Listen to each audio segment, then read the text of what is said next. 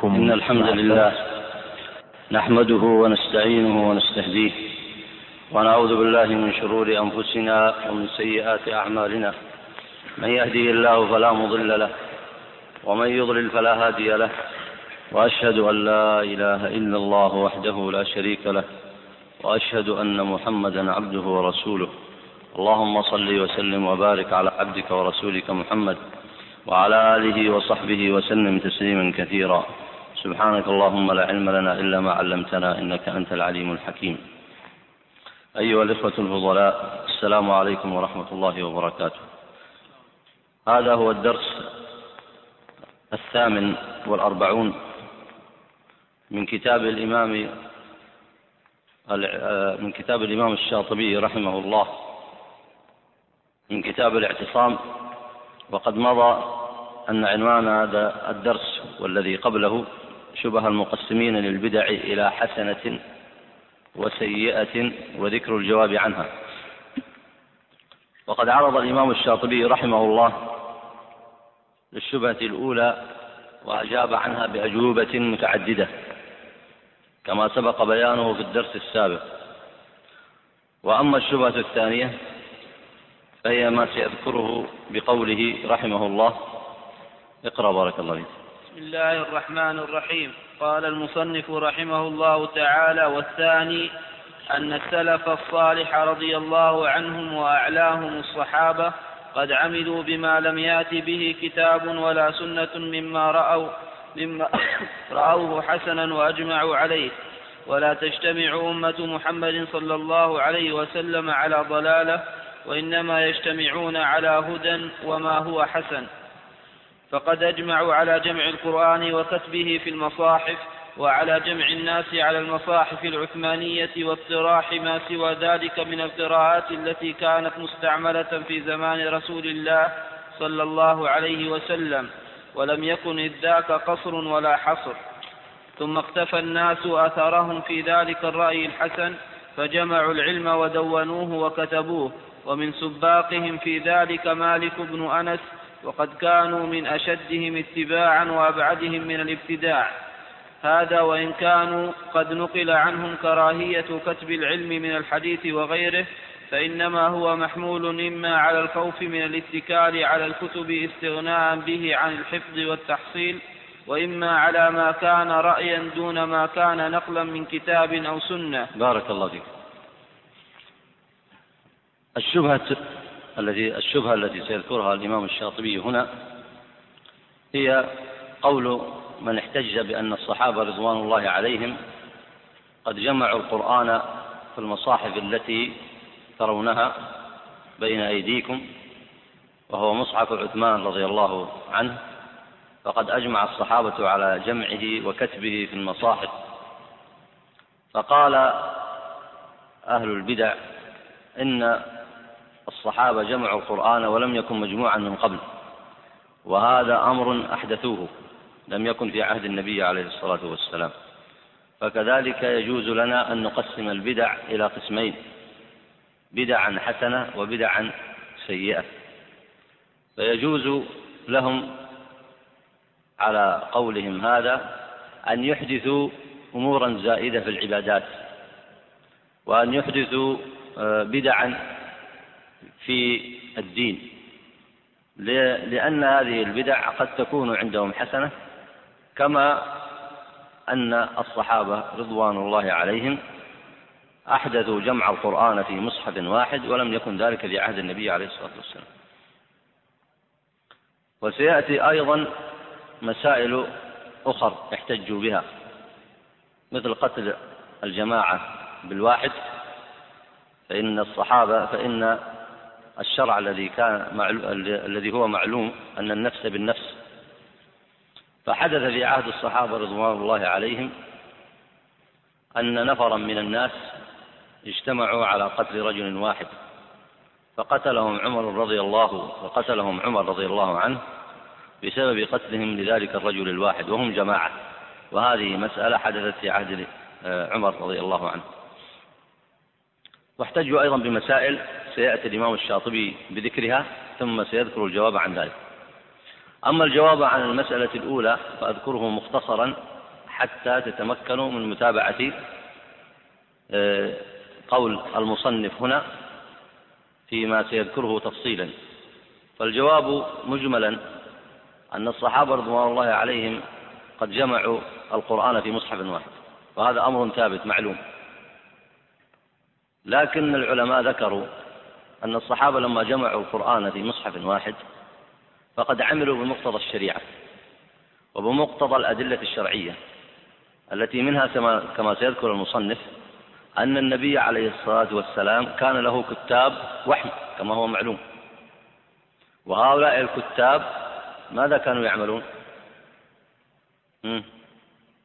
من يذكر الجواب؟ كانوا يكتبون القرآن والنبي عليه الصلاة والسلام أمر بكتابة العلم فقال اكتبوا لأبي شاه كما سيأتي في الحديث الصحيح. والقرآن من العلم. الأمر الثالث أن القرآن كان كانت آياته وجدها الصحابة مكتوبة في عهد النبي عليه الصلاة والسلام وجمعوا كثيرا من آياته مما كان مكتوبا. فأصل كتابة القرآن معلوم في عهد النبي عليه الصلاة والسلام. وقد أمر بذلك كما في الحديث الصحيح. فالصحابة لما عملوا بذلك عملوا بأمر له أصل في الشرع. والدليل الثاني كما سيذكره المصنف أن الصحابة حفظوا بذلك الدين بأمر مشروع معلوم في عهد النبي عليه الصلاة والسلام وهو كتابة القرآن. وجمعه فإن القرآن كان مجموعا في الصدور وكان مكتوبا وكذلك جمع في عهد أبي بكر رضي الله عنه ثم جمع آه، جمع بعضه في عهد أبي بكر ثم جمع في عهد عثمان رضي الله عنه وهذا الجمع له أصله كما في الأدلة الصحيحة. وقياس البدع المحدثات قياس البدع المحدثات في الدين على مسألة جمع القرآن هو قياس بعيد لأن جمع القرآن سنة ماضية في عهد الخلفاء الراشدين أصلها معلوم من الكتاب والسنة فإن الله سمى القرآن كتابا أي مكتوب فإن الله سمى القرآن كتابا فهذا له أصل معلوم في الشرع وأدلته كثيرة جدا وسيأتي المصنف على ذكرها. فالمقصود أن المصنف هنا استكمل الشبهة التي يحتج بها المقسمين للبدع المحدثات إلى حسنة وسيئة استوعب هذه الشبه وأجاب عنها منها ما ذكرناه في الدرس الماضي عنه ومنها ما سيذكره في هذا الدرس على سبيل التفصيل. فقوله هنا إن إن السلف الصالح رضي الله عنهم وأعلاهم الصحابة قد عملوا بما لم يأتي به كتاب ولا سنة قولهم ليس بصحيح. لأن السلف الصالح رضوان الله عليهم لا يعملون إلا بما جاء به الكتاب والسنة. واحتجاجهم بجمع القرآن بأنه لم يأتي به كتاب ولا سنة ليس بصحيح كما سمعتم في الأدلة. العبارة هنا الذي ذكرها آه، الإمام الشاطبي قال ولم يكن إذ ذاك قصر ولا حصر. هذه تحتمل وجهين ولذلك هي في نسخة الشيخ رشيد رضا آه، ولم يكن في ذلك نص ولا حظر. وفي نسخة الشيخ الهلالي هنا في التحقيق قال ولم يكن إذ ذاك قصر ولا حصر والمعنيان متقاربان.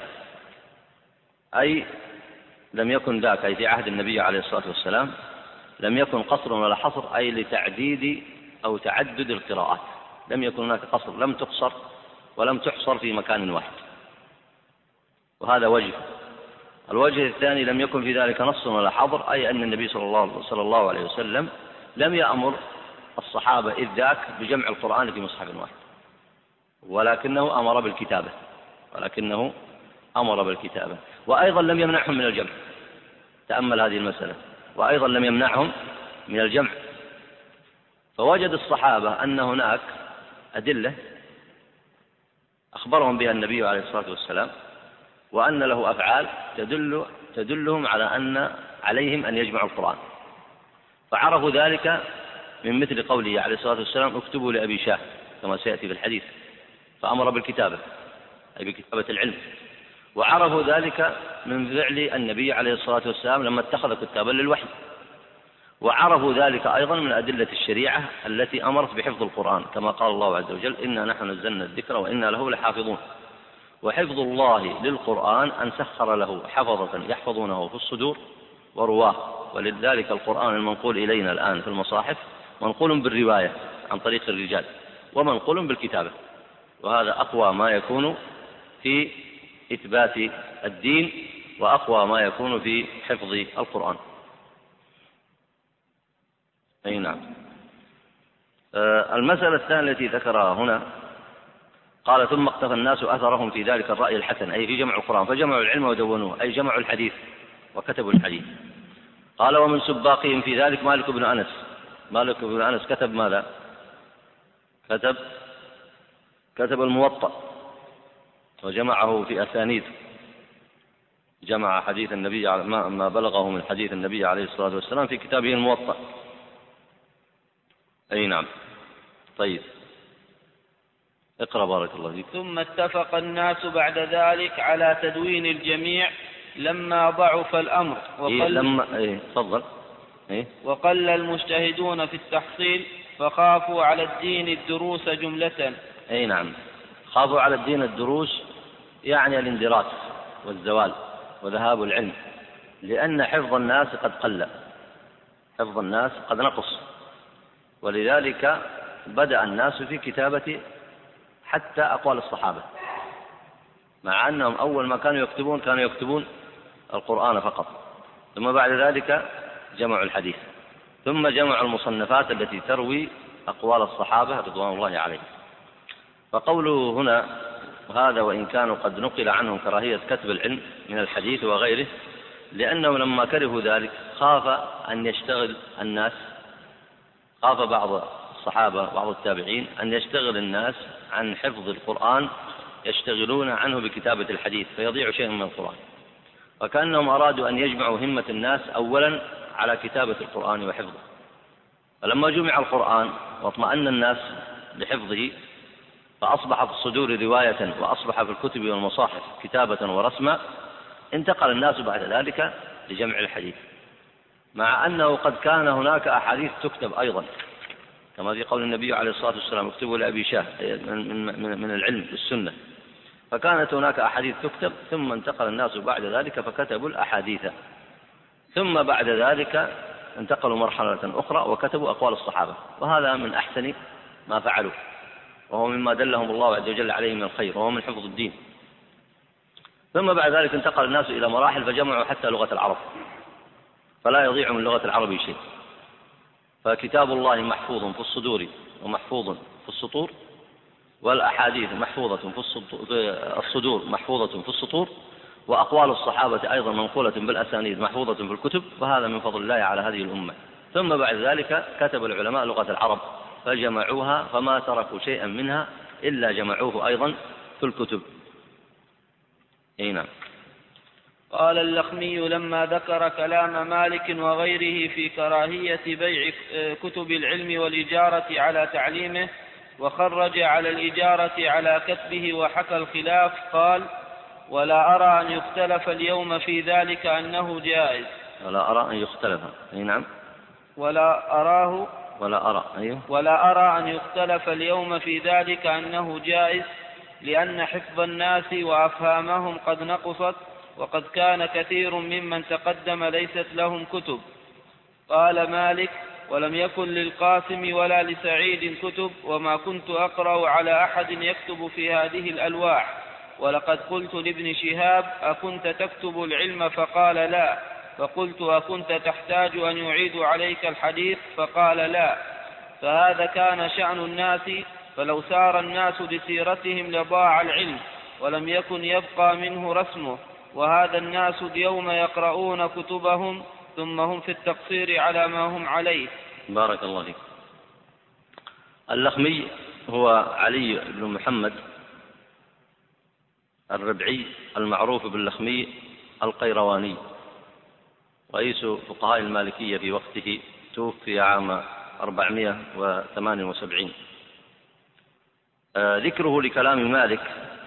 كان مالك رضي الله عنه آه، رأى كراهية بيع كتب العلم خوفا على ذهابه.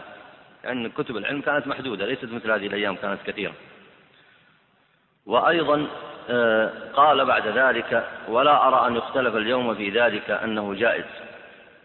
والسبب في ذلك أن حفظ الناس قد نقص وضعف وأفهامهم أيضا كما ذكر قد نقصت. فاحتاجوا للكتابة ليدونوا العلم ويحفظوه. وأيضا لو انشغلوا بالحفظ دون الكتابة وحفظهم قد نقص لذهب شيء من العلم. فجمعوا بين أمرين الحفظ في الصدور والكتابة في السطور. أما ما كان قبل مالك ومالك ولد في آخر القرن الأول ما كان قبل مالك رضي الله عنه كما ذكر هنا آه، من شأن القاسم وهو القاسم بن محمد وقد مضت ترجمته وسعيد وسعيد بن المسيب هؤلاء لم يكن لهم كتب إنما كانوا يحفظون وإنما كانوا يحفظون العلم وينقلونه بالأسانيد. لمن بعدهم.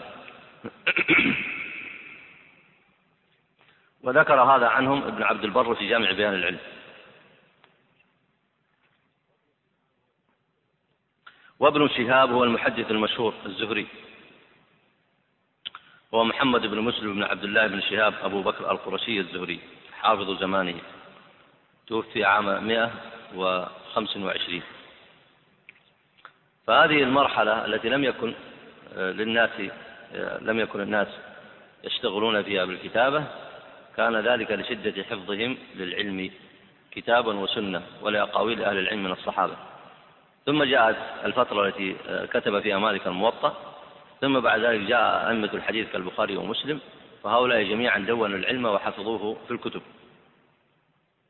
وكل ذلك له أصل كما سبق معكم من قول النبي عليه الصلاة والسلام اكتبوا لأبي شاه وسيأتي عرض الأحاديث المتعلقة بالأمر بالكتابة. اقرأ بارك الله فيك. وأيضا فإنه لا خلاف عندنا في مسائل الفروع أن القول فيها بالاجتهاد والقياس واجب وإذا كان كذلك كان إهمال كتبها وبيعها يؤدي إلى التقصير في الاجتهاد وأن لا يوضع مواضعه. لأن في معرفة أقوال المتقدمين والترجيح بين أقوالهم قوة وزيادة في وضع الاجتهاد مواضعه. أي نعم. يعني كما كتب القرآن وكتب الحديث كتبت لغة العرب كتبت أيضا أقوال الصحابة والتابعين والأئمة المشهورين. لأنه يستعان بها على معرفة مسائل العلم. يستعان بها يستعان بأقوال أهل العلم على معرفة مسائل العلم فإنه إذا نقل كلام ابن عباس آه، رضي الله عنهما وابن عمر رضي الله عنهما وكذلك من التابعين سعيد والزهري وغيرهم والبخاري ومسلم وأحمد والشافعي ومالك وأبي حنيفة وغيرهم من العلماء إذا نقلت أقوالهم فإنك تجد الواحد يقول قال الله وقال رسوله وتجدهم يفسرون القرآن بلغة العرب ويذكرون الأدلة فتستعين بذلك على فهم النصوص الشرعية. هنا كتب العلماء أيضا دونوا أقوال أهل العلم. أي نعم لأنها تعين على الاجتهاد. انتهى ما قاله اللخمي وفيه إجازة العمل بما لم يكن عليه من تقدم لأن له وجها صحيحا. فكذلك نقول كل ما كان من المحدثات له وجه صحيح فليس بمذموم بل هو محمود وصاحبه الذي سنه ممدوح. فأين ذمها بإطلاق أو على العموم؟ هذه خلاصة الشبهة. يعني الذين قسموا البدع إلى بدع حسنة وسيئة وقالوا لنا أن نحدث بعض الأمور ونسميها حسنة وليس بالضرورة أن يثبت أن من سبقنا قد عمل بها. قاسوا ذلك على جمع القرآن وجمع الحديث وكتابة أقوال أهل العلم فإن ذلك لم يكن كما ذكروا لم يكن معهودا في عهد النبي عليه الصلاة والسلام. فهذا الذي لم يكن معهودا في عمل في وقت النبي عليه الصلاة والسلام صنعه السلف بعد ذلك. فالذي صنعه السلف بعد ذلك يقولون لا فرق بينه وبين ما نصنعه نحن من إحداث المحدثات في الدين. عرفتم الآن الشبهة التي ذكروها؟ يعني ما القرآن لم يجمع في عهد النبي عليه الصلاة والسلام والحديث لم يكتب وهذا إنما أحدثه السلف بعد ذلك. فكذلك يقولون نحن الذي نحدثه في بدع آه، العبادات كالمولد مثلا أو ما نحدثه في آه، بدع الحج أو بدع الجنائز أو غيرها هذا أيضا الذي أحدثناه لم يكن عليه عمل من تقدم. فلماذا تحرمون هذا علينا وتحلون آه، عمل السلف في جمع القرآن وكتابة الحديث ولم يكن ذلك في عهد النبي عليه الصلاة والسلام. عرفتم الآن الشبهة التي يستدلون بها؟ أحد عنده استفسار؟ يعني عرفتم هذه الشبهة؟ لأنه سيأتي الجواب عنها أيضا مفصلا كما سيذكره الإمام الشاطبي. أي نعم. وعلى, وعلى هذا فإن إحداث المحدثات عندهم ليس بمذموم بإطلاق. بل يرون أن المحدثات التي يحدثونها ويسمونها حسنة أنها مشروعة في الدين وأن ذلك يحل لهم. أي نعم. وقد قال عمر بن عبد العزيز تحدث للناس أقضية بقدر ما أحدثوا من الفجور. فأجاز كما ترى إحداث الأقضية واختراعها على قدر اختراع الفجار للفجور وإن لم يكن لتلك المحدثات أصل. ومن ذلك تضمين الصناع وهو محكي عن الخلفاء رضي الله عنهم وقتل الجماعة بالواحد وهو محكي عن عمر وعلي وابن عباس والمغيرة بن شعبة رضي الله عنه. أي نعم. ما ذكره عن عمر بن عبد العزيز سيأتي جواب الإمام الشاطبي عنه أنه لم يثبت عنه. لكن هم استدلوا به قالوا أن عمر بن عبد العزيز يقول نحن نحدث قضايا لم تكن من قبل. مع أن ليس هذا صريح في قول عمر. يعني عمر بن عبد العزيز إن صح عنه هذا لم يقل نحن نحدث قضايا لم تكن من قبل. لكن قال تحدث للناس أقضية بقدر ما أحدثوا من الفجور. وهذه الأقضية ممكن أن ترجع إلى الكتاب والسنة. ممكن تكون مسائل الاجتهاد كالتي يستنبطها الفقهاء الأربعة وغيرهم. فمن شبههم أيضا أنهم قالوا تضمين الصناع ما المقصود بتضمين الصناع مثلا آه، تفضل. يعني إذا كان هنالك خياط مثلا فأتلف الثوب فإنه يعني يدفع ثمن. إي نعم أحسنت. مثلا الخياط إذا جعلت عنده ثوبا. دفعت إليه قماشا وقلت له أن أن يخيط لك ثوبا. ثم تلف هذا الثوب عنده. هل تعتبر يده يد أمانة؟ فلا يضمن إلا إذا فرط أو نضمنه على أي حال. هذه مسألة فقهية. الصحابة أفتوا فيها. قالوا أننا نقول بتضمين الصناع. سواء الخياطين أو غيرهم. لأن الغالب عليهم أنه لا يفسد عندهم شيء إلا بسبب تفريطهم. والإنسان حتى لو كانت يده يد أمانة إذا فرط فإنه يضمن. قالوا فكذلك الصانع إذا فرط فإنه يضمن. وحملوا ذلك على أدلة. قصدوا بذلك حفظ أموال الناس من الضياع. فإنه إذا يمكن أن يأتي كل صانع فيتلفها آه، أو يأخذها لنفسه أو يتصرف فيها تصرفا غير صحيح ثم يقول أنا لم أفرط. وهذا يؤدي إلى ضياع أموال الناس. فالمسألة التي اجتهد فيها الصحابة اجتهدوا فيها بمقتضى الدليل الشرعي وهو حفظ مصالح الناس وأموالهم. وهذا أمر مقصود للشرع. وليس بغريب في مسائل الاجتهاد أن يحدث مثل ذلك أن يحدث مثل ذلك فهو اجتهاد من الصحابة رضوان الله عليهم مبني على الأدلة الشرعية. الشبهة الأخرى التي ذكروها قالوا قتل الجماعة بالواحد. لم يكن هذا في عهد النبي عليه الصلاة والسلام. لأن الأحداث التي كانت في عهد النبي عليه الصلاة والسلام ووقع بها القصاص تختلف عن الأحداث التي وقعت في عهد الخلفاء. ففي عهد عمر رضي الله عنه اجتمع أربعة كما في صحيح البخاري يرويه معلقا عن ابن عمر عن أبيه أن أربعة اجتمعوا على قتل صبي فقتلهم عمر. وورد أيضا أن مجموعة من الناس اجتمعوا على قتل رجل فقتلهم عمر. هذه مسألة قتل الجماعة بالوحي الأصل في في القصاص كما قال الله عز وجل وكتبنا عليهم فيها أن النفس بالنفس. الأصل في القصاص نفس بنفس نفس معصومة بنفس معصومة. هذا الأصل في القصاص. فما الحكم إذا اجتمعت أنفس على قتل نفس واحدة؟ هل يقتلون أم لا؟ الصحابة لما نظروا في هذه المسألة ذكروا لها أدلة وسيأتي معكم ذكر هذه الأدلة. الذين احتجوا بها على جواز الإحداث في البدع قالوا هذه مسألة لم تكن في عهد النبي عليه الصلاة والسلام. والصحابة اجتهدوا فيها وجاءوا فيها بحكم. فنحن لنا أن نجتهد مثلهم ونأتي ببدع محدثات وسيأتي الجواب أن هذه المسألة الفقهية معتمدة على أدلة والصحابة اعتمدوا على أدلة. أما أنتم في إحداثكم البدع فتحدثون بدع لا أصل لها في الدين وأنتم أصلا منهيون عنها. أنتم منهيون عن إحداث البدع. والصحابة مأمورون بالاجتهاد. بالاجتهاد في ماذا؟ في استنباط الأحكام الشرعية. فأين استنباط الأحكام الشرعية من الشريعة؟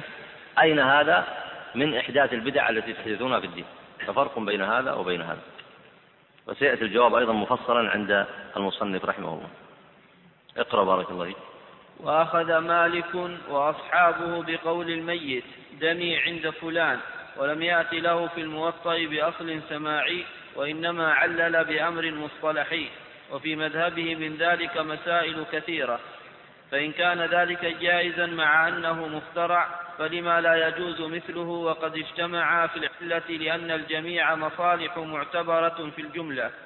وإن لم يكن شيء من ذلك جائزا فلما اجتمعوا على جملة منها وفرع غيرهم على بعضها ولا يبقى إلا أن يقال إنهم يتابع يتابعون على ما عمل هؤلاء دون غيره. وإن اجتمعا في العلة المسوغة للقياس وعند ذلك يصير الاقتصار تحكما وهو باطل فيما أدى إليه مثله. فما؟ فما أدى إليه مثله. فثبت أن البدع تنقسم. هذه خلاصة الشبهة أيضا يذكر يكررها المصنف رحمه الله. فكأنهم يقولون نحن فيما أحدثناه من البدع في الجنائز وفيما أحدثناه مثلا في العبادات وفي غيرها لماذا تمنعون من ذلك؟ أنتم تابعتم الصحابة على ما ذكروه في هذه المسائل وهي مسائل جديدة لم تكن في عهد النبي عليه الصلاة والسلام. والبدع التي أحدثناها هي مسائل جديدة أيضا. فلماذا تتابعون الصحابة والسلف في ذلك؟ ولا تتابعون وتقرون على إحداث البدع التي أحدثناها. وسيأتي الجواب على ذلك مفصلا عند المصنف رحمه الله. الجواب آه، بالإجمال قبل التفصيل أن الذي تظنون أن الصحابة أحدثوه هو من مسائل الاجتهاد المستنبطة من الشريعة بأدلة معلومة. إلا أنكم أنتم لم تعلموا هذه الأدلة. تظنون أن الصحابة أحدثوها من عند أنفسهم. والعلماء الأربعة مشهورين وأئمة السلف بينوا أن هذه الاجتهادات عند الصحابة رضوان الله عليهم مبنية على أدلة وذكروا هذه الأدلة بالتفصيل في كتب الفقه وسيأتي ذكرها مفصلة إن شاء الله. فهذا الذي اجتهد فيه الصحابة هو استنباط للمسائل للأحكام الشرعية بأدلتها التفصيلية مثل ما يفتي المفتون فيقول قال الله وقال رسوله ويستنبط سواء من الكتاب أو من السنة أو عن طريق القياس أو الإجماع لكن أنتم البدع التي أحدثتموها هذه بدع أحدثتموها من عند أنفسكم. أنتم أولا منهيون عنها بقول النبي عليه الصلاة والسلام وإياكم محدثات الأمور. والأمر الثاني ليس عندكم أحاديث ولا أدلة صحيحة ولا إجماع من السلف يدلكم على ما صنعتم. ففرق بين هذا وبين هذا. الإمام الشاطبي رحمه الله سيأتي في الجواب يجيب على هذه الشبه جميعها إلا ما ذكره أخيرا من قول مالك آه، وأصحابه. بقول الميت دمي عند فلان. فإنه لم يجب عليه لعله آه، تركه سهوا. وأذكر الجواب عليه آه، في هذا الموضع. ثم بعد ذلك نذكر كلام الشاطبي بالتفصيل في الجواب على آه، المسائل السابقة. قول الإمام مالك رحمه الله وأصحابه في أخذهم بقول الميت دمي عند فلان. صورة هذه المسألة أن رجلا يوجد ويتشحط في دمه مجروحا فيقول لمن حوله إن فلانا قتلني. دمي عند فلان ابن فلان.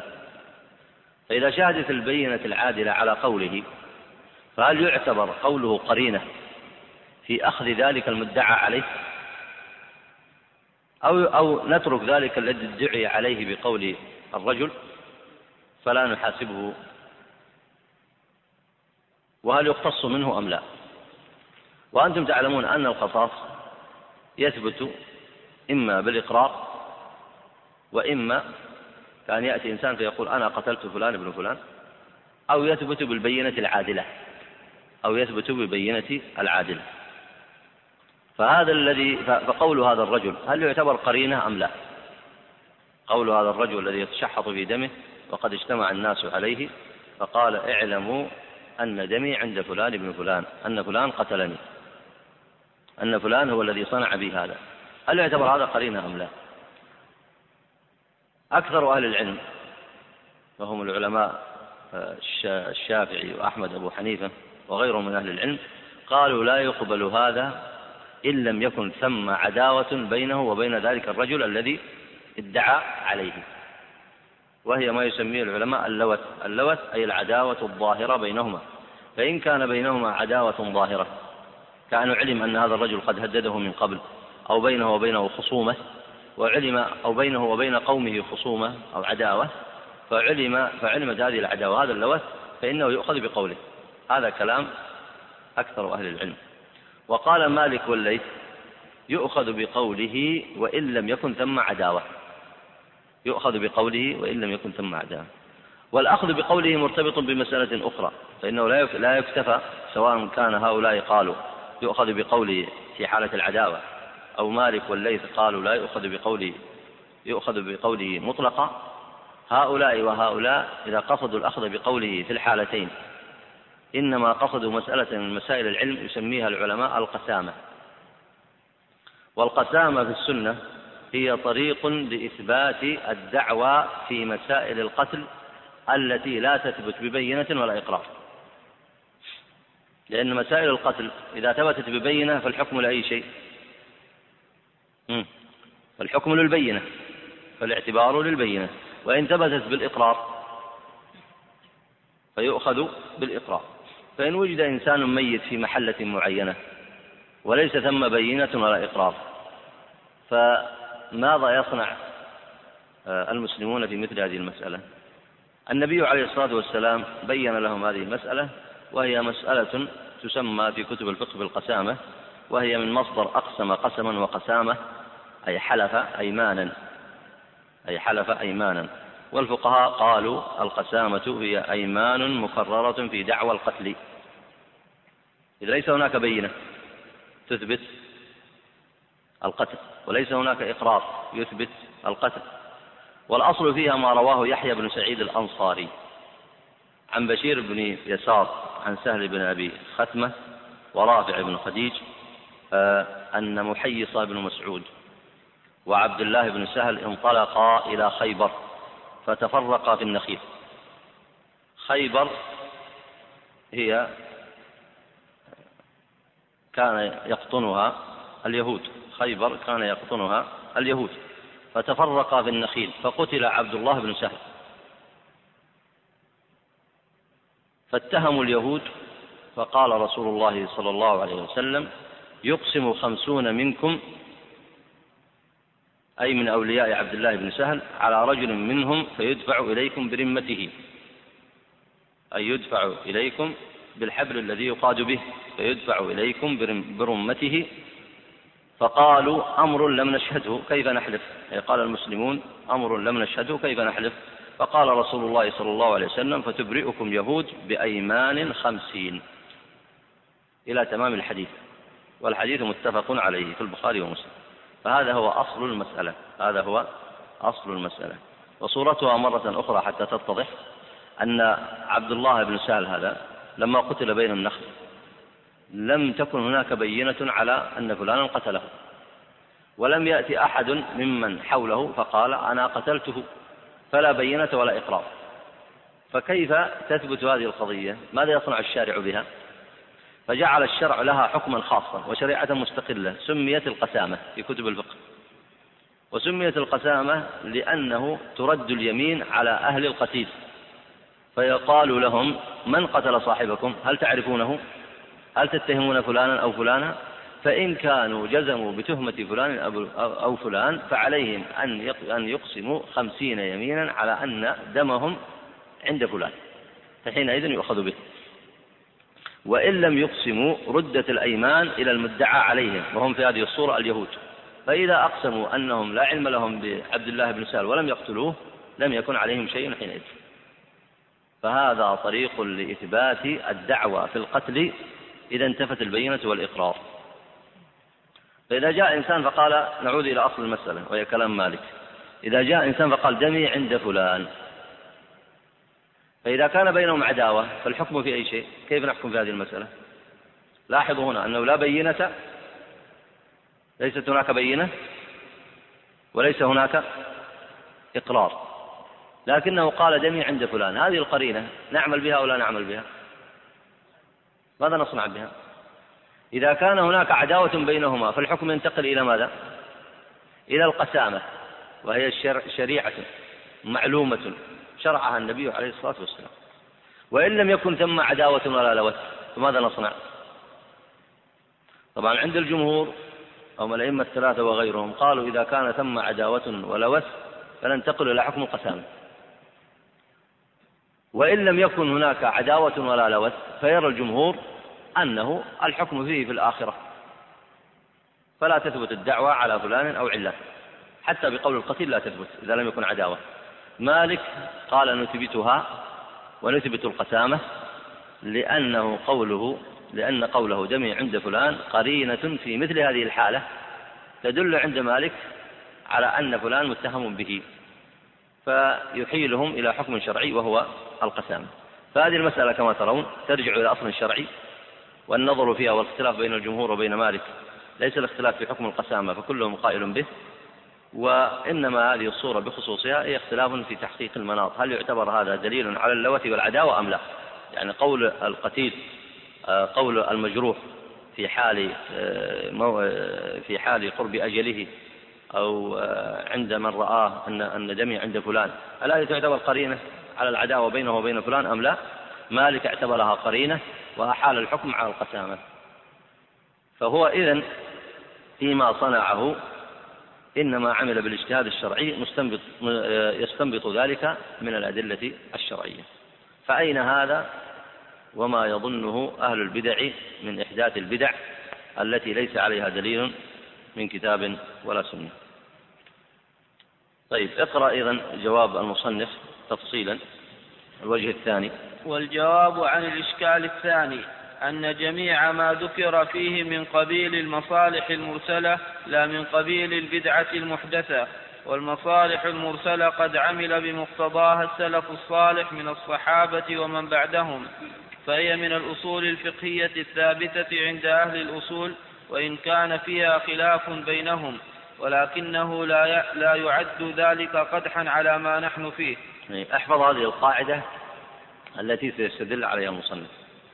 يقول إن اجتهادات الفقهاء اجتهادات الصحابة اجتهادات التابعين رضوان الله عليهم الاجتهادات الفقهاء هي إما أن تكون عن طريق نص معلوم صريح في المسألة وإما أن يكون عن طريق استنباط. والاستنباط هذا كما تعلمون إما أن يكون عن طريق القياس وإما أن يكون عن طريق المصالح المرسلة. وكل ذلك لا بد له من شاهد من الشرع يشهد له بالاعتبار وإلا كان اجتهادا مردودا. فإذا هذه المسائل التي سيذكرها سيبين الشاطبي في كل مسألة أن هناك أدلة من الشريعة تدل عليها. نعم. المصالح المرسلة آه، هناك تعريفات متقاربة. نوضح المعنى توضح معنى المصالح وتعطي فكرة عامة وهي من المسائل التي يدرسها الطلاب المتخصصون في أصول الفقه في مسائل وفي الفقه فنقربها بقدر المستطاع. المصلحة هي المنفعة التي قصدها الشارع الحكيم لعباده من حفظ دينهم ونفوسهم وعقولهم ونسلهم وأموالهم. وهذه المصالح هي مراد الشرع. لكن قد يكون منصوص عليها بنص صريح. ونستعمل مثال من هذه الأمثلة الموجودة الآن مثل قول الله تعالى وكتبنا عليهم فيها أن النفس بالنفس قتل النفس بالنفس يحقق مصلحة في حفظ النفوس أم لا؟ فعرفنا تحقيق هذه المصلحة بنص صريح ولا باجتهاد من عندنا؟ بنص صريح.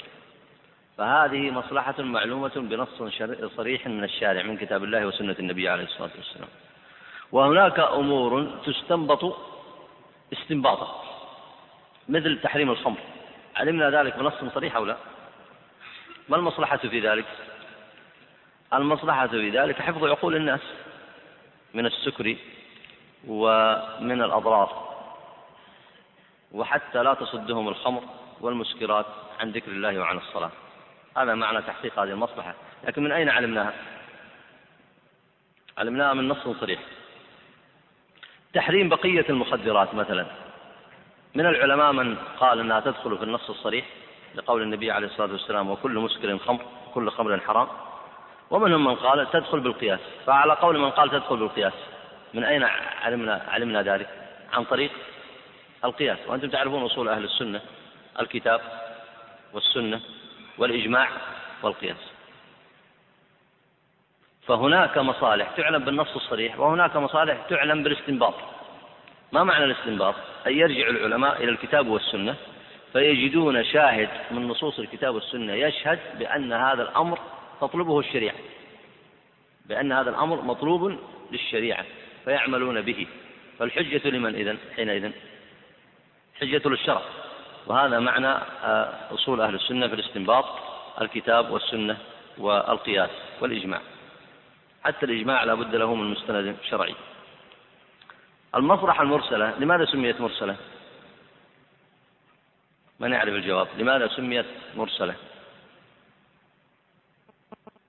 تفضل. ليس هناك شيء يدل ليس عليها نص خاص. يدل باعتبارها أو بإلغائها ها؟ أي نعم. أي نعم. المصلحة المرسلة هي الوصف الذي لم يثبت اعتباره ولا إلغاؤه من قبل الشارع. هذه العبارة إذا قرأتها في كتب أهل العلم كتب الأصول معناها لم يرد نص خاص فيها الوصف الذي لم يثبت اعتباره ولا إلغاؤه من قبل الشارع. لكن هل معنى هذا أنه لا يعرف له حكم؟ يعني في مسألة لا يعرف لها حكم لا نعرف أن الشارع قبلها أو ردها. ليس هناك مسألة إلا والعلماء يعرفون الأدلة الشرعية. هل هذه المسألة مقبولة أو مردودة؟ هل هذه المسألة مصلحة أو مفسدة؟ وإن جهلها بعضهم لا يجهلها البعض الآخر. طيب كيف نعرف هذا؟ يعني إذا جاء إنسان يدعي أن هذه مصلحة. أنت جئت لأمر من الأمور فقلت هذا مصلحة. وأضرب لكم مثالا.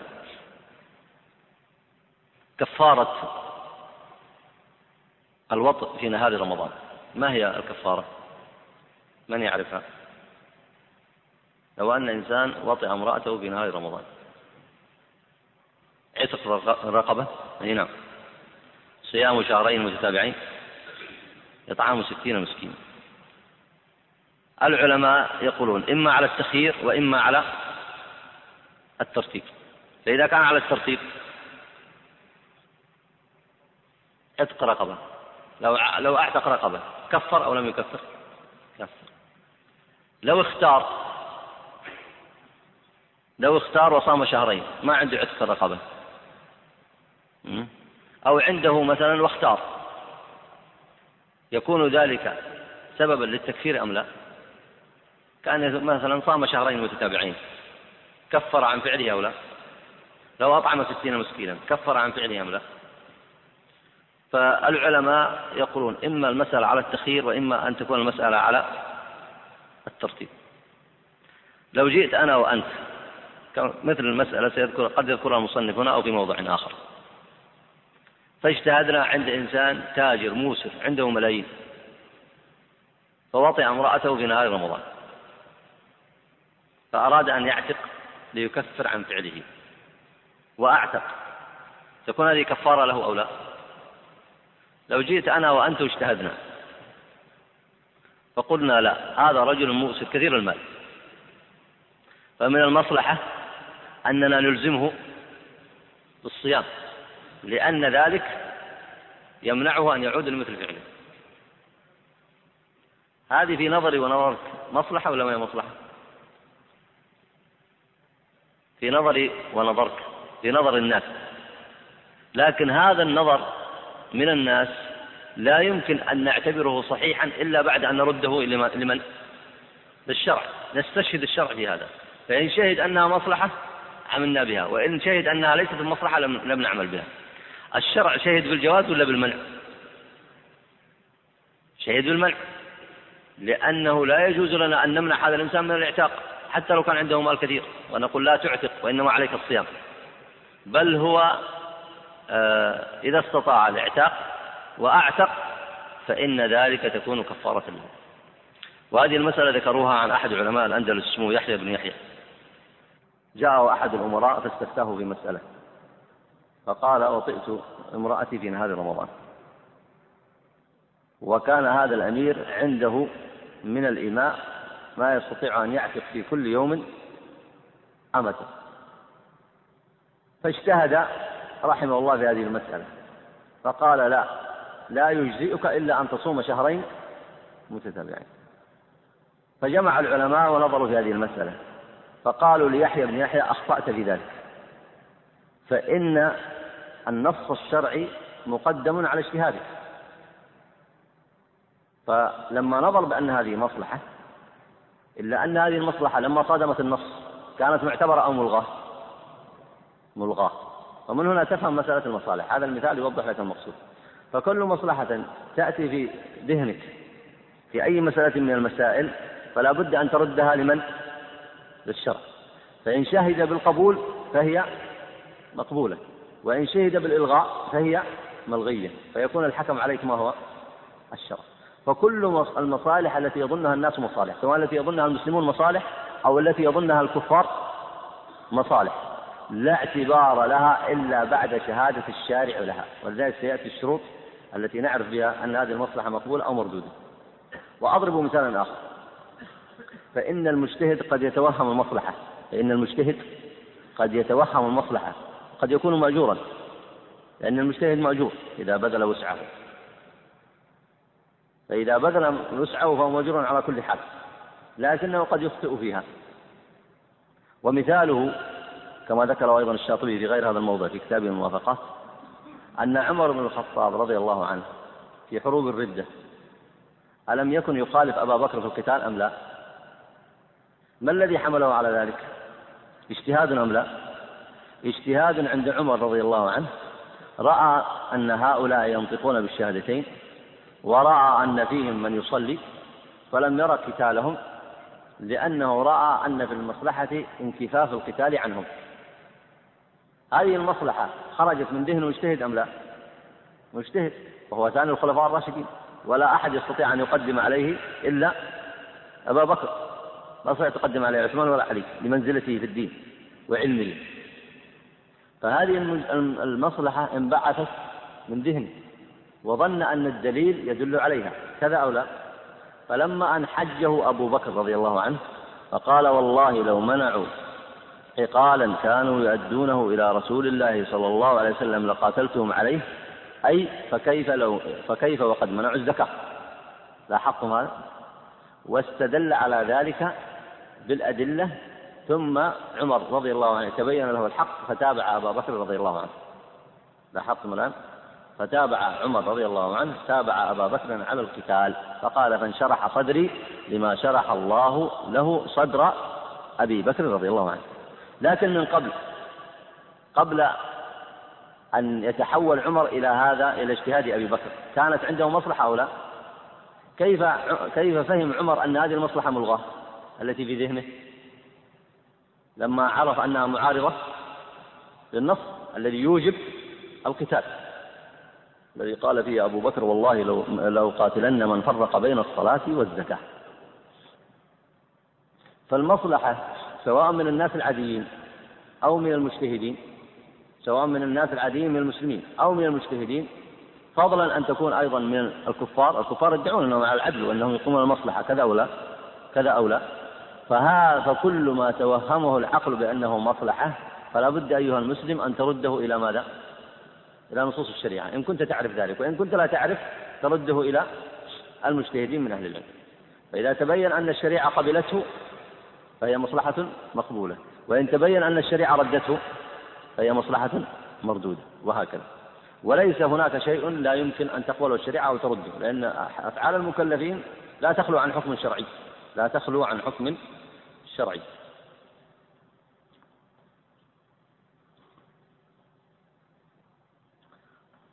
من أدلة العلماء للعمل بالمصالح بشرطها إذا لم تصادم نصا أو مصلحة راجحة أو استلزمت مفسدة من أدلتهم على ذلك قوله تعالى ونزلنا عليك الكتاب تبيانا لكل شيء وهدى ورحمة وبشرى للمسلمين.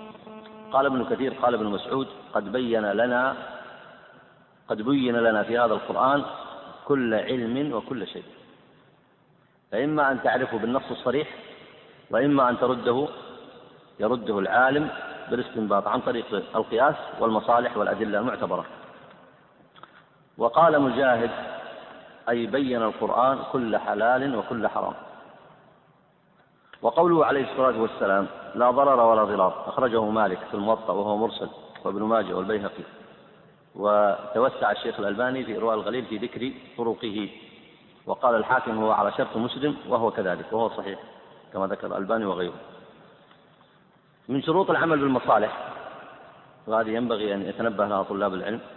الشرط الأول عدم معارضة المصلحة لنص الكتاب أو السنة أو الإجماع.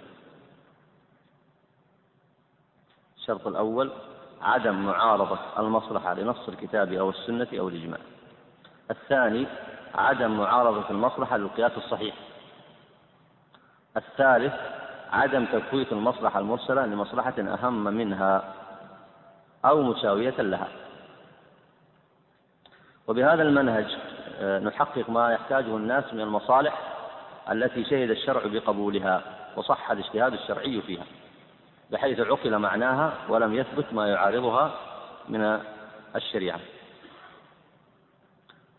بقي السؤال هنا ما وجه الاشتباه بين البدع والمصالح المرسلة لماذا احتج المبتدعة على أفعالهم المحدثات بالمصالح المرسلة ما وجه الاشتباه بينهما؟ تفضل. الثالث عدم تفويت المصلحة المرسلة لمصلحة أهم منها أو مساوية لها. ما وجه الاشتباه بين البدع والمصالح المرسلة؟ تفضل.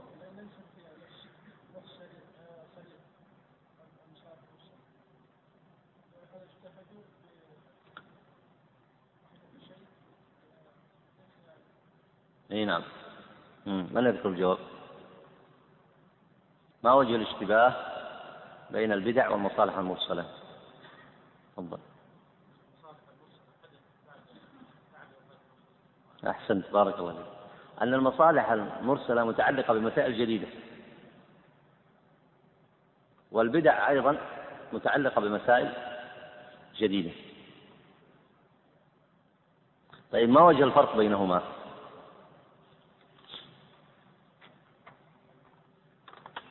تفضل.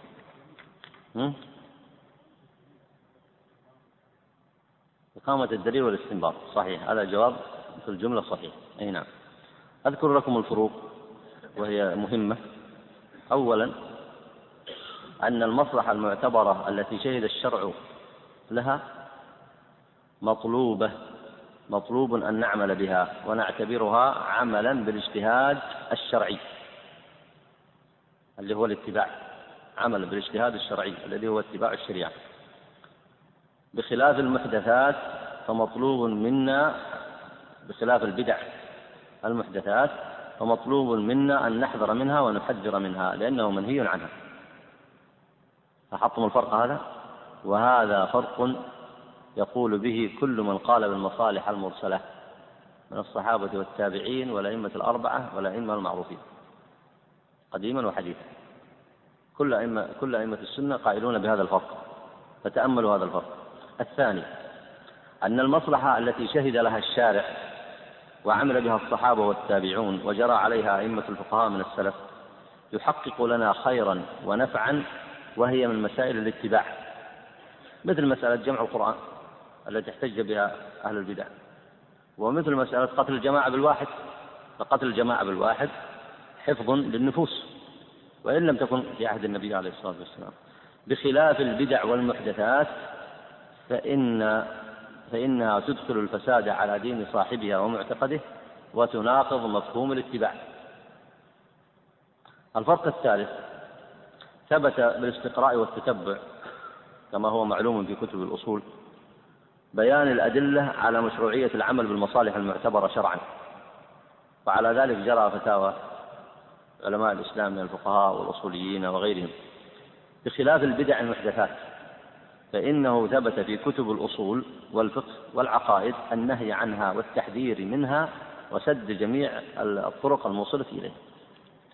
وهذه الفوارق الثلاثة إذا ضبطها طالب العلم وحفظها كانت له حجة في آه، الدلالة على الخير والتحذير من البدع وبيان الفرق بينها وبين المصالح المرسلة.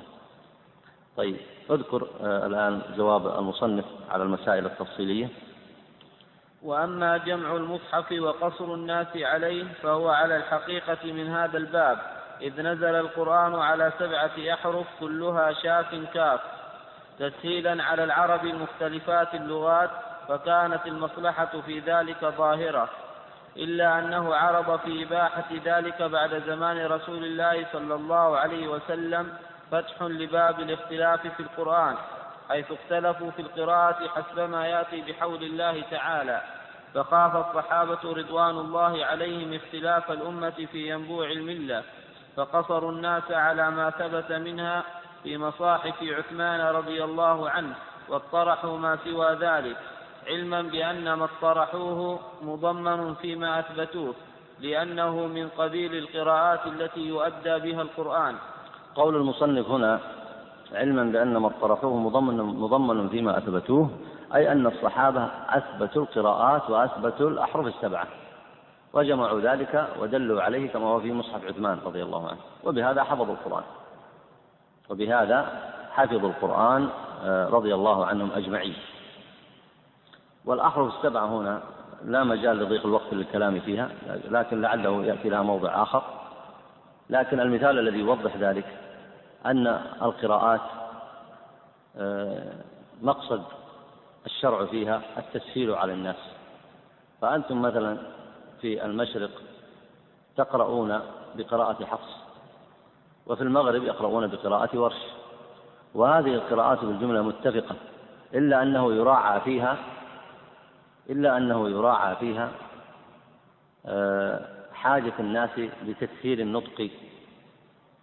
فمثلا قوله تعالى لنبوئنهم من الجنة غرفا. قراءة أخرى لنثوينهم من الجنة غرفا. فالمعنى واحد ولا مختلف؟ المعنى واحد. وكذلك ما يتعلق بالإمالة في الحروف وغيرها. وهناك قراءات يختلف فيها المعنى وتختلف فيها بعض الأحكام وهي يسيرة فالمقصد أن هذه القراءات المنقولة عن النبي عليه الصلاة والسلام ضمنت جميعها فيما جمع من القرآن. ثم نقلت بالرواية كما هو معروف في قراءة القراء السبعة. وأيضا نقلت آه، بالكتابة إذ جمع القرآن في مصحف واحد. وأصله كما سيذكر المصنف هنا ما ورد في الصحيح في قول النبي عليه الصلاة والسلام اكتبوا لأبي شاه. وأن النبي كان له كتاب يكتبون الوحي. اي نعم اقرأ بارك الله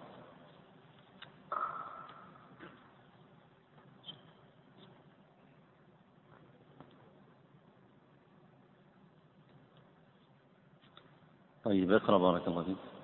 ثم ضبطوا ذلك أيضا بالرواية حين فسدت الألسنة ودخل في الإسلام أهل العجمة خوفا من فتح باب آخر من من الفساد. باب آخر. باب آخر من الفساد وهو أن يدخل أهل الإلحاد في القرآن أو في القراءات ما ليس منها فيستعين بذلك في بث إلحادهم.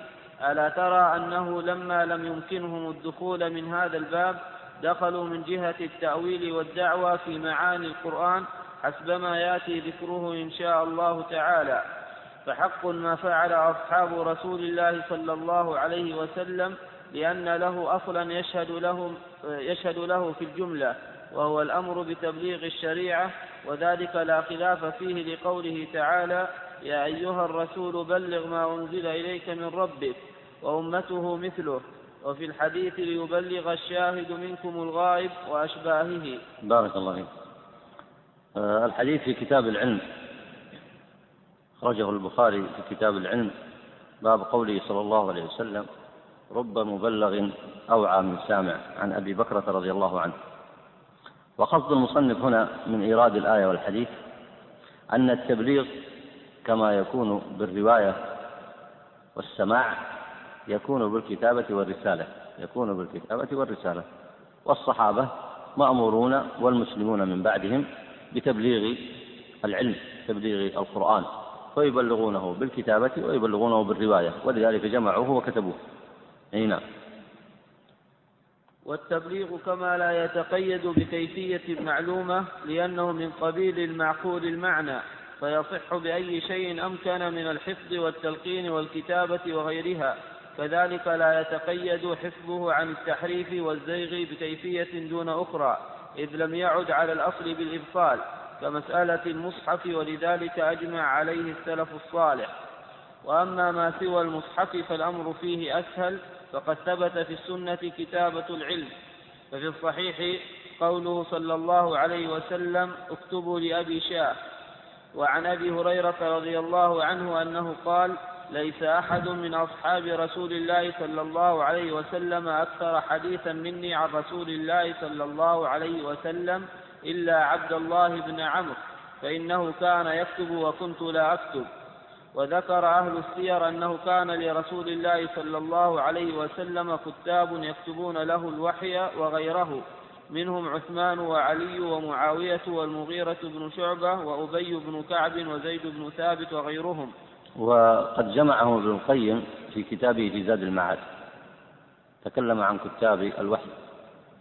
فإذا الإمام الشاطبي في الجواب على شبهتهم يقول إن جمع القرآن ليس مثل البدع التي تبتدعونها وتحدثونها لأن جمع القرآن له أصل وله أدلة من الشرع تدل على ذلك.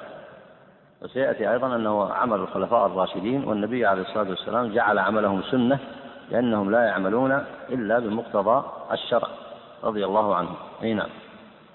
وأيضا فإن الكتابة من قبيل ما لا يتم الواجب إلا به إذا تعين لضعف الحفظ وخوف اندراس العلم كما خيف دروسه حينئذ وهو الذي نبه عليه اللخمي فيما تقدم. وإنما كره المتقدمون كتب العلم لأمر آخر لا لكونه بدعة فكل من سمى كتب العلم بدعة فإما متجوز وإما غير عارف بموضع لفظ البدعة فلا يصح الاستدلال بهذه الأشياء على صحة العمل بالبدع. أي نعم. المتقدمون كرهوا كتابة العلم لماذا؟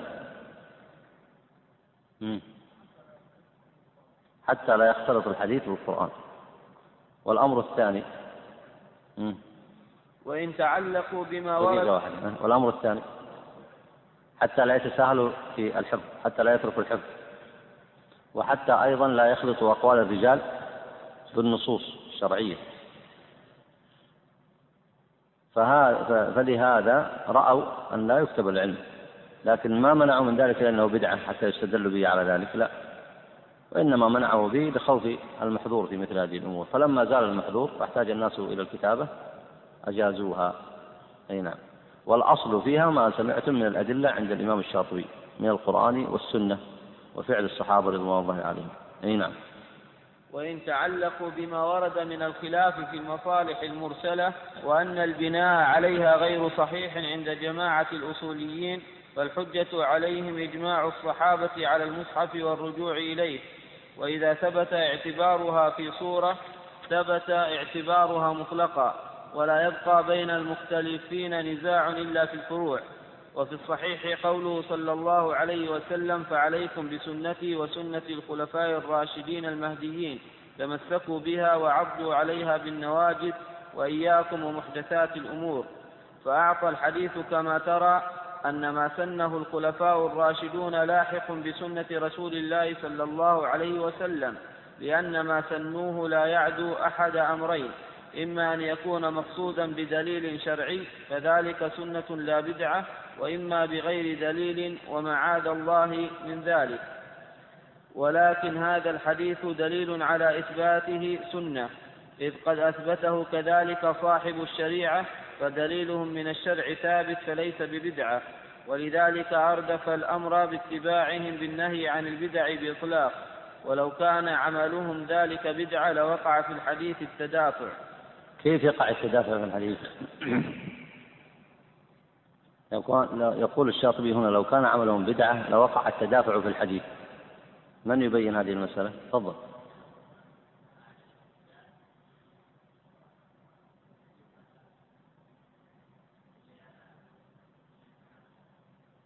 أي نعم أحسنت. أيوه.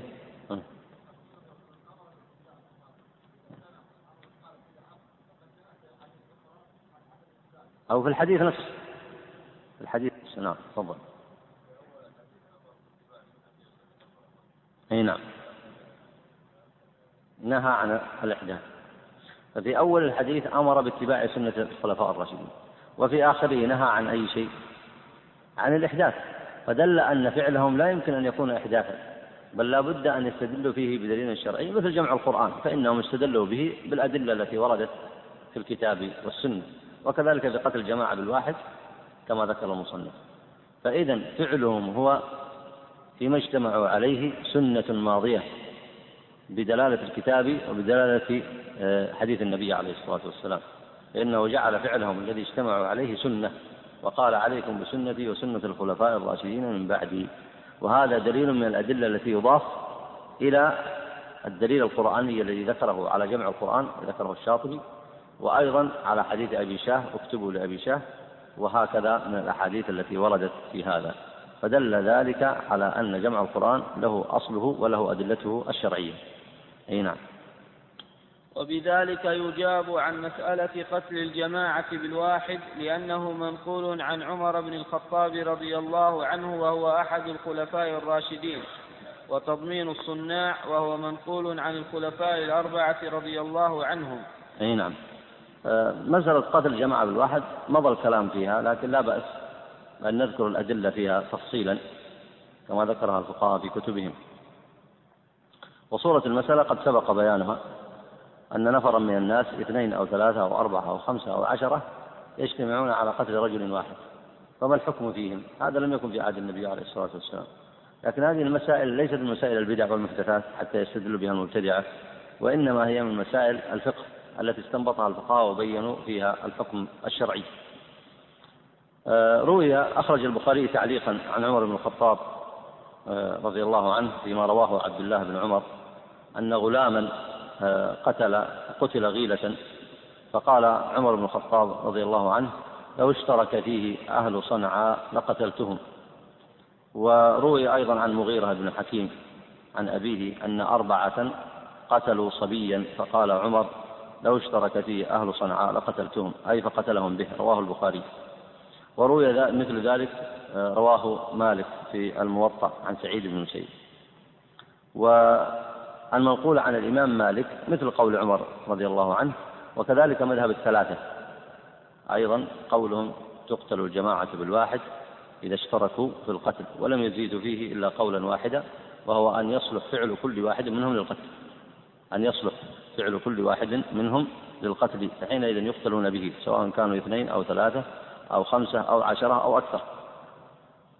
فإذا هذه المسألة آه، ترجع في اجتهاد الصحابة إلى أصل عملوا به وهو العمل بالأدلة الشرعية.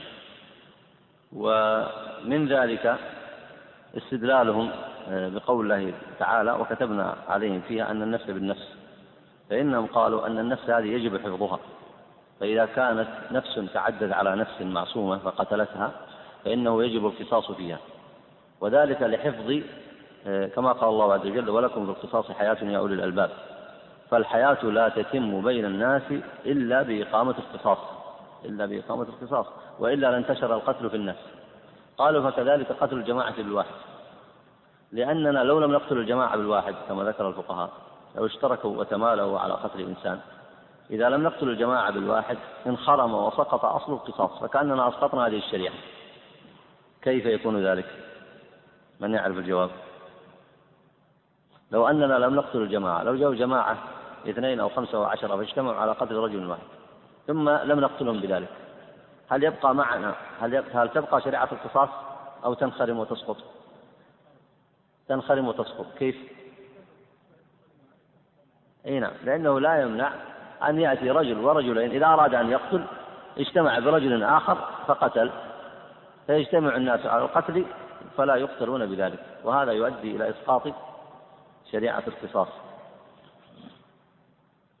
أيضا آه، من الأدلة التي استدلوا بها قول الله تعالى من أجل ذلك كتبنا على بني إسرائيل أنه من قتل نفسا بغير حق أو فساد في الأرض فكأنما قتل الناس جميعا فكأنما قتل الناس جميعا. وكذلك القتل إذا اجتمعت آه، إذا اجتمع نفر في قتل نفس فذلك فساد عظيم في الأرض فكأنما قتلوا الناس جميعا فيجب القصاص منهم فيجب القصاص منهم. أي نعم. أقرأ بارك الله فيك. وأما ما يروى عن عمر بن عبد العزيز فلم أره ثابتا من طريق صحيح وإن, سل وإن سلم فراجع إما لأصل المصالح المرسلة إن لم نقل إن أصله قصة البقرة. الذي روي عن عمر بن عبد العزيز آه، لم يصح كما قال المصنف يعني لم لم يثبت عنه. وهو كما سبق معكم قوله فيما نقل روي عنه وقال المصنف إنه روي عنه على سبيل التضعيف. أنه قال تحدث للناس أقضية بقدر ما يحدثون من الفجور. فهذا الكلام لم يثبت عن عمر بن عبد العزيز لكن استدل به المبتدعة على أنه يجوز الإحداث على أنه يجوز إحداث أمور لم تكن في الشرع. ويجاب عن هذا كما ذكر الشاطبي أن هذا لم يثبت. وإن سلم جدلا أنه ثبت وهو لم يثبت حقيقة يعني ليس هناك سند معلوم يعرف به نقله عن عمر بن عبد العزيز رضي الله عنه. لكن إن ثبت فليس معناه إحداث هذه الأقضية أنه ليس لها أصل. فإن فتاوى أهل العلم في المسائل الجديدة بينوها وهي مسائل جديدة محدثة لكنهم ذكروا فيها أدلة يرجعون فيها إلى الشرع مثل القضاء بجمع القرآن. عرفتم الآن الأدلة؟ مثل القضاء بقتل الجماعة الجماعة يقتلون واحدا فإن ذلك لم يكن في عهد النبي عليه الصلاة والسلام. الاجتماع على القتل لم يكن في عهد النبي عليه الصلاة والسلام. فهذا الذي حدث أيضا لما أحدث الناس له أدلة لما أحدث الناس له اجتهادات شرعية يعني بينوا فيه أحكاما وفتاوى فإن هذا الإحداث ليس من جنس البدع المحدثات بل هو من مسائل الاجتهاد التي يرجعون فيها إلى الكتاب والسنة ويذكرون فيها الأدلة. وأما قوله فراجع إلى أصل المصالح المرسلة فقد سبق بيان معنى المصالح المرسلة. وكذلك قوله إن لم نقل إن أصله قصة البقرة يعني كأنه يشير إلى قصة بني إسرائيل. فإنهم لما شددوا لما أمروا بقتل البقرة فشددوا شدد الله عليهم. كأنه يشير إلى ذلك. أي نعم اقرأ بارك الله فيك.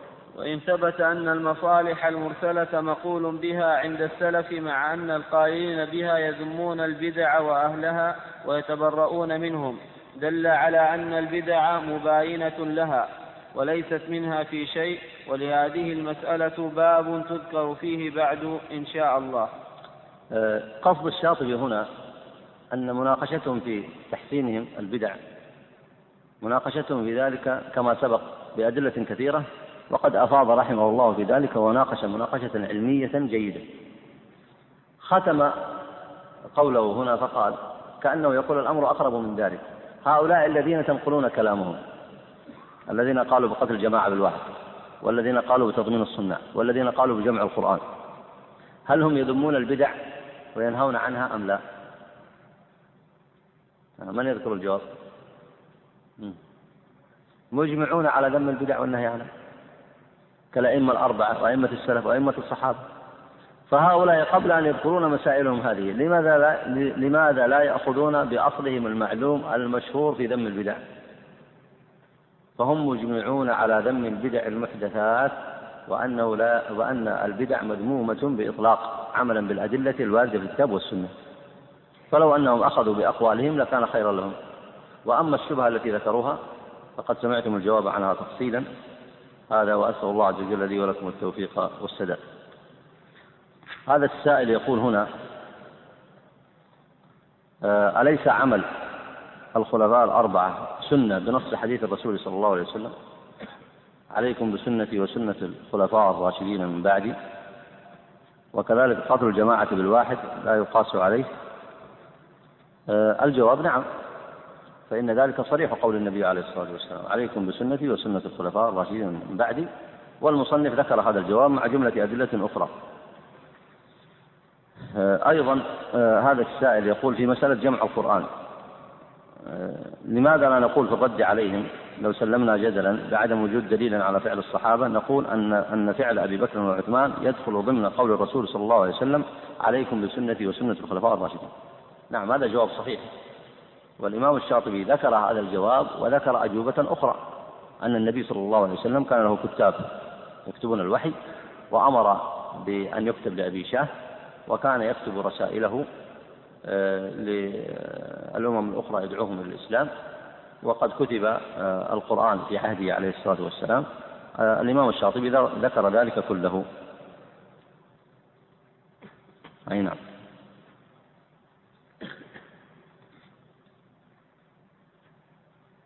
يقول نحن مجموعة مدرسين اتفقنا فيما بيننا أنه من حصلت له مناسبة سارة يقوم بعمل وليمة في المدرسة.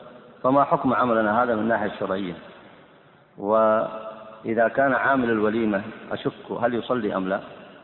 فهل يجوز أن أحضر وليمته أم لا؟ أما الجواب على الفقرة الأولى فحكمه فيما يظهر لي أنه لا بأس به وهو من باب الوعد. فمن وعد منهم أن يقوم بالوليمة فلا يتأخر عنها فعليه أن يقوم بها. أما قوله أشك هل يصلي أم لا؟ ما دام هذا معك فكيف تشك؟ لأنه إذا كان إذا كان هو صديقا لك وتعرفه وهو من مجموعة مدرسين فلا بد أن تعرف أنه يصلي أو لا يصلي. إن كان يصلي فأجب دعوته وإن كان لا يصلي فناصحه وبين له الحكم الشرعي. ولا يجوز إذا إذا أصر على ترك الصلاة لا يجوز أكل لا يجوز آه، أن يؤكل من وليمته لأنه كما تبين في كلام أهل العلم أن من ترك الصلاة وأصر على تركها واستتيب ولم يعد آه، يصلي وأصر على ذلك فإنه ينطبق عليه قول النبي عليه الصلاة والسلام العهد الذي بيننا وبينهم الصلاة فمن تركها فقد كفر. هذا وصلى الله وسلم على نبينا محمد وعلى آله وصحبه أجمعين.